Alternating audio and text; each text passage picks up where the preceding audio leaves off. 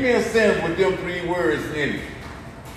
And this one of them old baby kids, you know, one of them little, little Johnny kid jokes he said, uh, when the horse jump over defense, defeat land first, and then detail.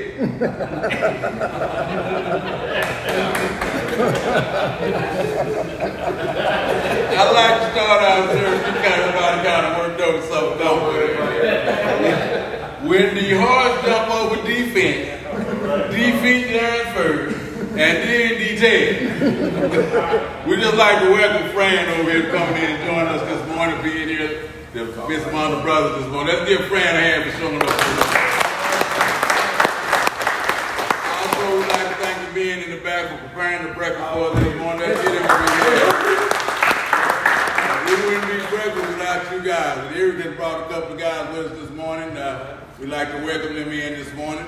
Okay. Uh, we don't know their name, Eric, but uh, if you want to introduce them right quick, that'd be good. Antoine.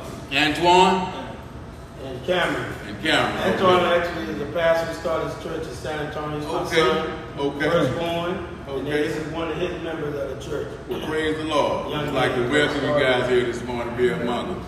We'll be here every second Saturday of the month. If something changes, we will let you know. But we will be here the second Saturday of every month. Amen? One, two, three. One, two, three. Spiritual literacy is what we'll be speaking on this morning. Spiritual illiteracy. And illiterate, illiteracy is just, is just simply not having enough knowledge to know what's going to keep you going in this life and time. Illiteracy. There's a bumper sticker on the car in red.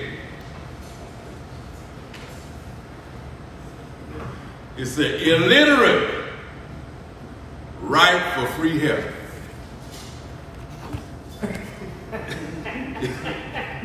Listen to it. The bumper sticker said, illiterate. Now, literacy means lack of speech and lack of writing. Illiterate, the bumper sticker said, illiterate, write for free help. Now, how you gonna write for free help if you can't write? Okay? Bumper bumper sticker. Amusing or sardonic. It has a bite to it. Illiteracy is a plague to human development. Likewise, scriptural illiteracy hinders spiritual development. There we go. Illiteracy is like a plague to human development. Likewise, scriptural illiteracy hinders spiritual growth. There was this lady that came into the to the church. She was concerned about her husband. They was having problems with their marriage. So she went to a guy that she knew it on her job to get some kind of help on how she could uh, get her family back together, get her marriage in order. But what she didn't know, she was getting some good advice, but she wasn't getting no godly advice. And if we're spiritually illiterate, when we face trials and tribulations in our life, we'll get some good answers, but they won't be the right answer the, the thing saying the best gift is the one needed at the time. She got a gift of good advice, but she didn't get a gift of godly advice. So it really wouldn't have helped her along the way. It had just been enough to get her through that day. They said you can give a man a fish, you feed him for a day. But if you teach him how to fish, you feed him for a lifetime. So she needed something that was going to help her get through her marriage from now to eternity, to death do them part. But by her not getting the godly advice, it was only going to last for a moment. But when some situation rose back up, they'd have been right back at the same situation because she didn't have God's word to stand on to get them to where they needed to be.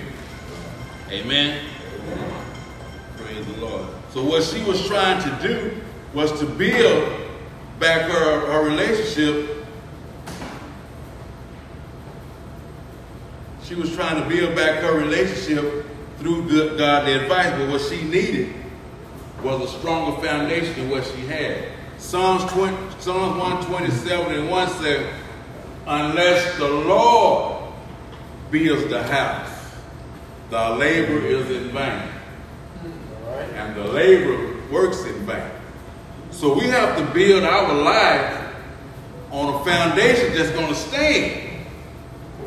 It reads, it says, uh, to build a solid foundation on faith of such ephemeral underpinning is, is acting to attempting to build the Empire State Building on the ocean. Now, why would they want to build the Empire State on the ocean knowing that it's all safe? I mean, it'll stand there and look good going up, but once, once something hit, it's going to tumble down. Jesus gave us wisdom of God in the parable about building a rock, building on a rock, or the sand. Building on the sand may seem safe until the storm comes.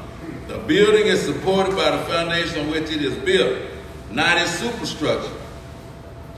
So building a godly life on sand is like being spiritually illiterate because you don't have nothing to stand on.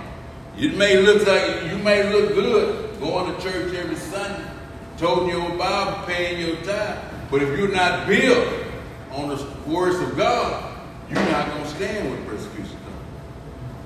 But still, it's the foundation that we stand on, which is the rock. Peter said, On this rock, I will build my church, and the gates of hell will not prevail. We're going to face the gates of hell, true enough.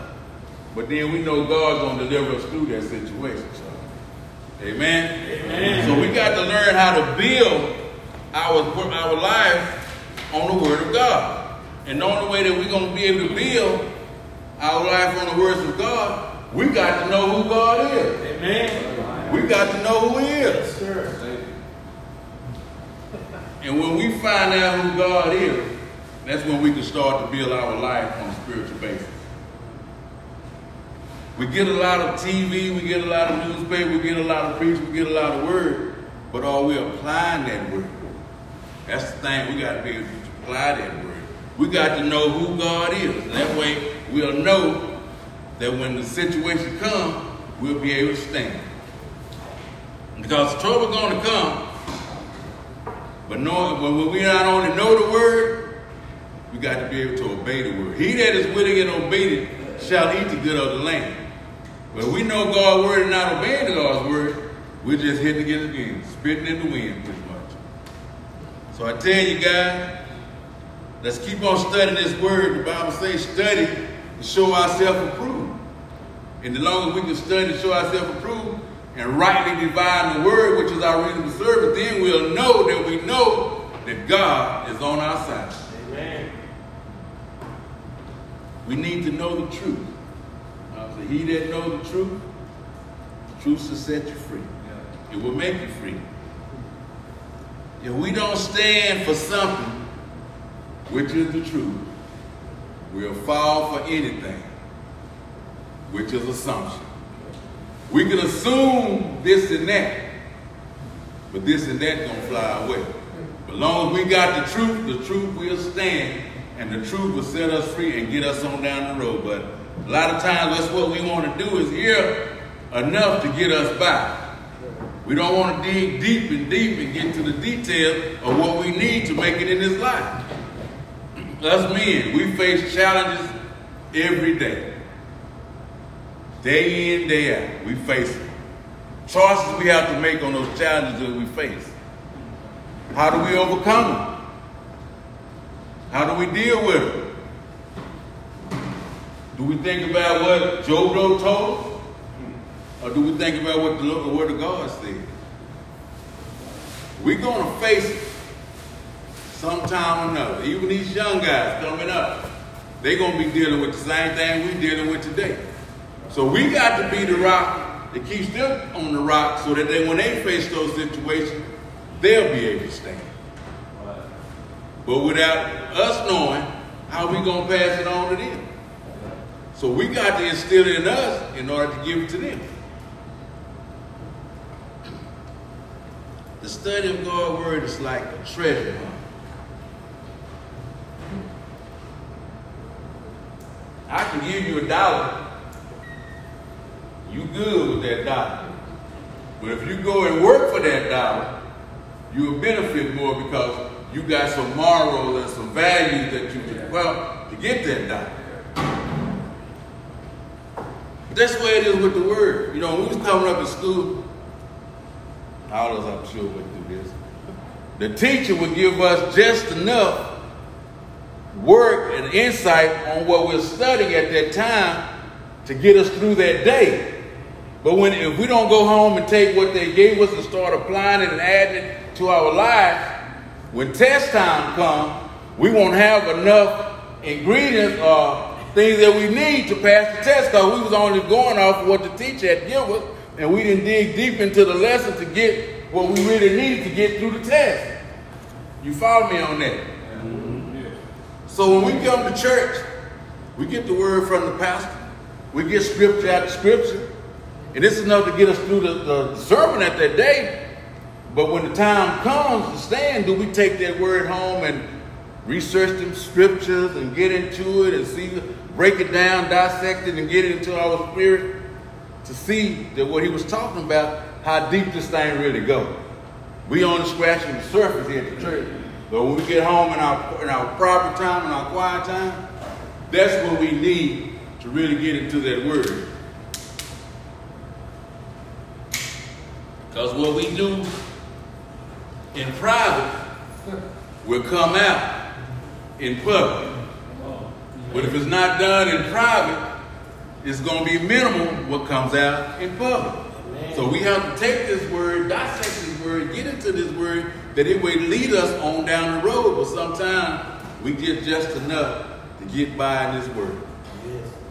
And it's really not enough because when persecutions come, that's when your test is going to show up. Mm-hmm. So let's take work, guys. It's going to take some work to get into God's word and to learn God's word and to really know who God is. We must have godly counsel, not good advice. And when we have those things, the godly counsel, that's when we know that we're moving on down the road. To know God is to be a part of God. It's the let this mind which is in you and in Christ Jesus be also in you. Daniel, you know the story. How he was thrown into the lion's den. But he was God's man he studied God's word, he prayed, and he got into God's word. So when the guy, King Nebuchadnezzar's right hand man, saw Daniel in, in his private time doing his thing, and they weren't supposed to be doing it, no matter what people come against you tell you you're not supposed to, if you're standing for God, he gonna back you up. So they threw Daniel in the, in the lion's den. But the blessing was how God closed the mouth of, it wasn't how God closed the mouth of the lion, of Daniel being in the lion's den. It was how he got the other guy and the lions devoured them instead of Daniel. That's where the blessing came in. A story in the book, it's in, it's in the book. It's in the book. Daniel knew truth. Because the lion and the lion den God had closed his mouth. And God was standing for Daniel. When we're doing what God has called us to do, God will stand for us. There was this man, another man having problems at home with his wife. She was, she was a stay-at-home wife, and he was out to work. But he had quit his job in the circular world to work for the, for the ministry. So what he did, one day she was out, he had some bills he needed to pay. So he going through the checkbook, and he's seeing all these other charges that didn't make sense to him. What it was, the wife had been buying gifts for these other men.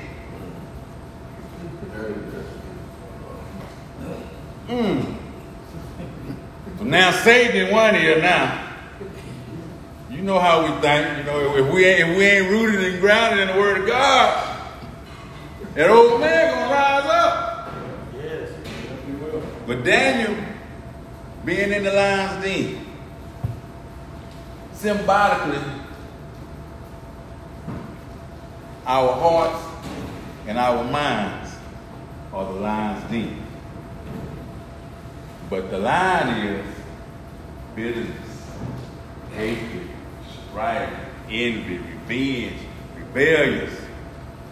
That's the lion. Those words, the, words that are, not of God, envy, bitterness, hatred, revenge is what was coming up in this guy. So the lion den was his heart and his mind. Daniel was in the lion den, but the lion was there to devour him. The Lord kept his mouth, the lion's mouth closed to keep from devouring Daniel. Our hearts and our minds is the lion's den. Hear me, I'm trying to get this point across. We can see it. Our hearts and our minds are the lion's den. But those words that are not of God is the lion. So when he saw that the checkbook had charges that didn't belong, he read to lunch out of the firearm. Okay?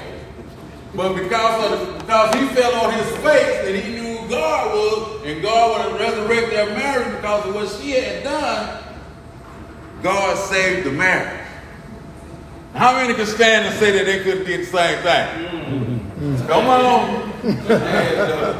That's why we got that's why we can't live off of good advice. We gotta live off of godly advice. Amen.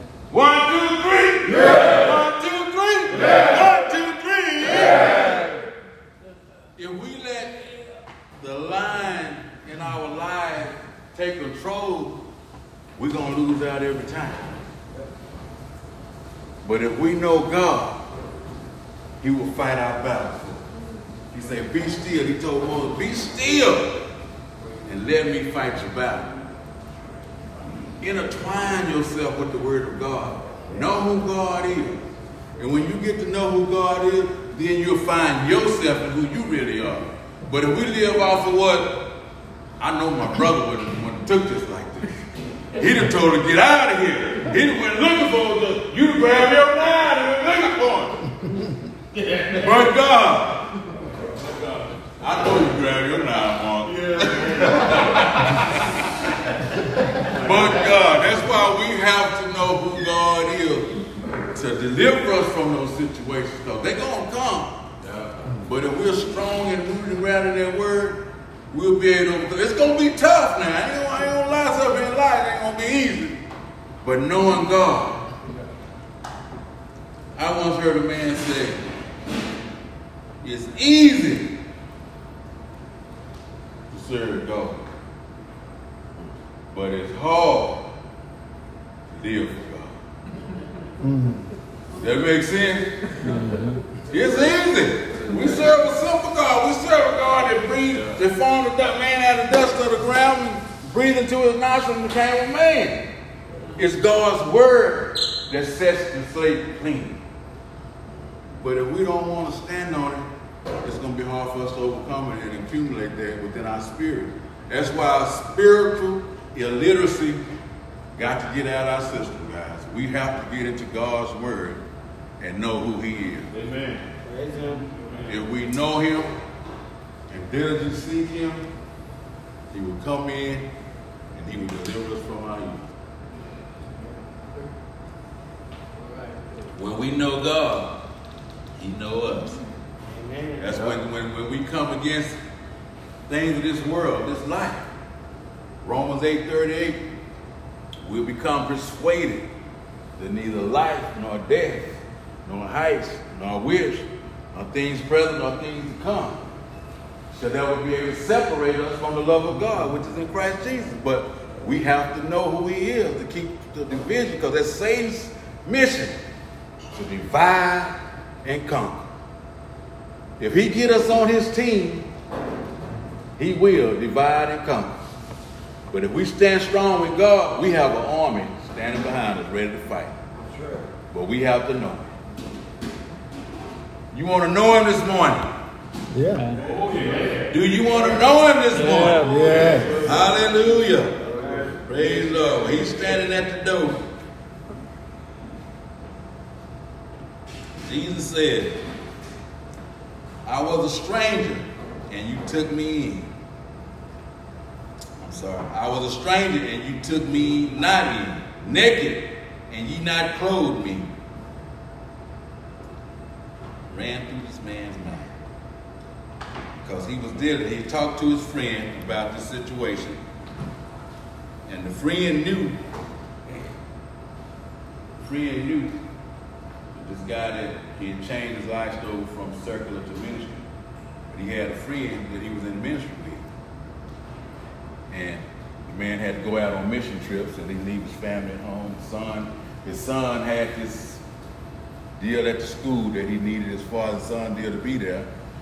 Wife, car broke down, now the wife at home by herself. She got to deal with this by herself.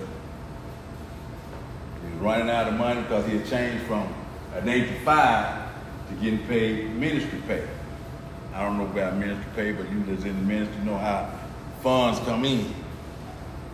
So he kind of tell the man he he saw it going on. His friends saw it going on, but he didn't do nothing to help out the family.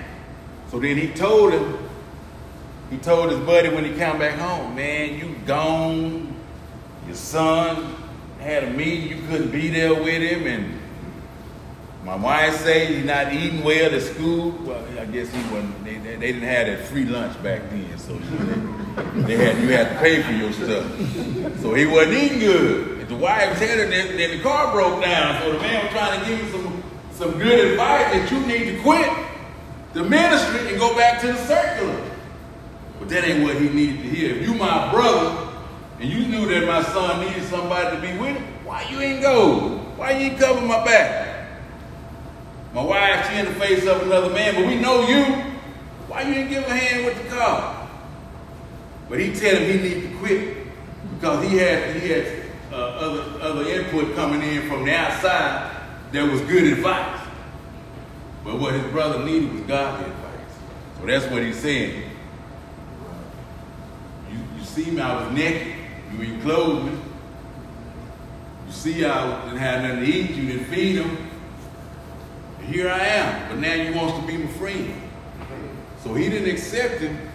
It says it said, it's so simply demonstrate that one characteristic we must have in facing tough times and faith in our brother. But we must spiritually, we must be spiritually literate to know who our brother is. Good advice is, is, is good, good advice is not godly counsel.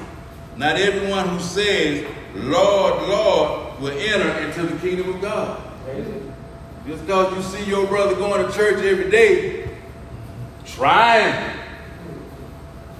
You know the tree by the fruit it bears. But ain't none of us in here like that. nah. we going we gonna look out for the other one. but be careful, guys. Be careful because the lion, he's the most furious creature on earth. The most furious. All he got to do is roar, and his prey gonna pretty much freeze in his track. So when those situations come, don't roar at the wide. It's gonna be situations that rises up. But be humble as servant, wide as a dove. Amen. Amen. I'm gonna leave that with you this morning, Pastor. I'll turn it over to you. God bless you guys. Praise the Lord. Give Brother Keith a good hand.